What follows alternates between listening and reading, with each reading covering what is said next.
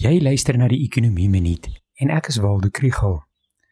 As daar een ding is wat 2020 ons geleer het, is dat mens nie aan die begin van die jaar te veel dinge vooruit moet voorspel nie. Maar nou ja, baie keer is ekonomiese rol om weer voorspellers goed te laat lyk. So hier is 'n paar voorspellings vir die jaar wat kom. Internasionaal is daar groot hoop om die COVID-19 pandemie te beëindig. Inentingsprogramme het afgeskop en die verwagting is dat dit die lewe na normaal sal laat terugkeer. Maar mens moet eerlik sê dat daar is steeds onsekerheid oor hoe lank dit gaan neem voor die infeksie en sterftesyfers afplat en die inperkings beëindig word. Die verwagting is dat die Wêreldgesondheidsorganisasie nie hierdie jaar al die wêreldwye noodtoestand sal beëindig nie. Kenners dink ook nie dat die meerderheid van die wêreld se bevolking al hierdie jaar die enstof sal ontvang nie.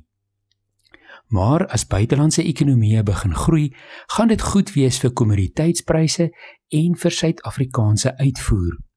Dit sal die wisselkoers ondersteun en help om inflasie en rentekoerse laer te hou.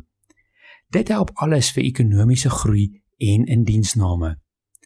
Ongelukkig is daar 'n klomp binnelandse faktore wat hierdie herstel kan rem. Dit is al die bekende uitdagings vanaf elektrisiteitsvoorsiening tot korrupsie en rommelstatus. Ek dink daar is 'n paar belangrike dinge om 'n oog op te hou in die volgende paar maande. Die regering moet so gou as moontlik enstof koop en 'n effektiewe inentingsprogram van die grond af kry. Die president se SONA toespraak en die minister van finansies se begrotingstoespraak moet ons oortuig dat die staatsfinansies op 'n volhoubare voet geplaas gaan word.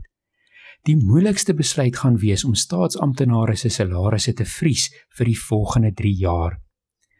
Korruptes moet nou vervolg word. En dan moet daar ook vordering gemaak word met die infrastruktuur investeringsprogram. Ons hoor altyd van die 50 projekte wat reg staan, maar iewers moet daar nou grond gebreek word. Laaste wil ek net waarsku dat as enige iemand sê hulle weet wat met die rand, die goudprys of die beurs gaan gebeur, vat dit maar met 'n knippie sout. As jy meer van die ekonomie wil leer, volg die ekonomie blok.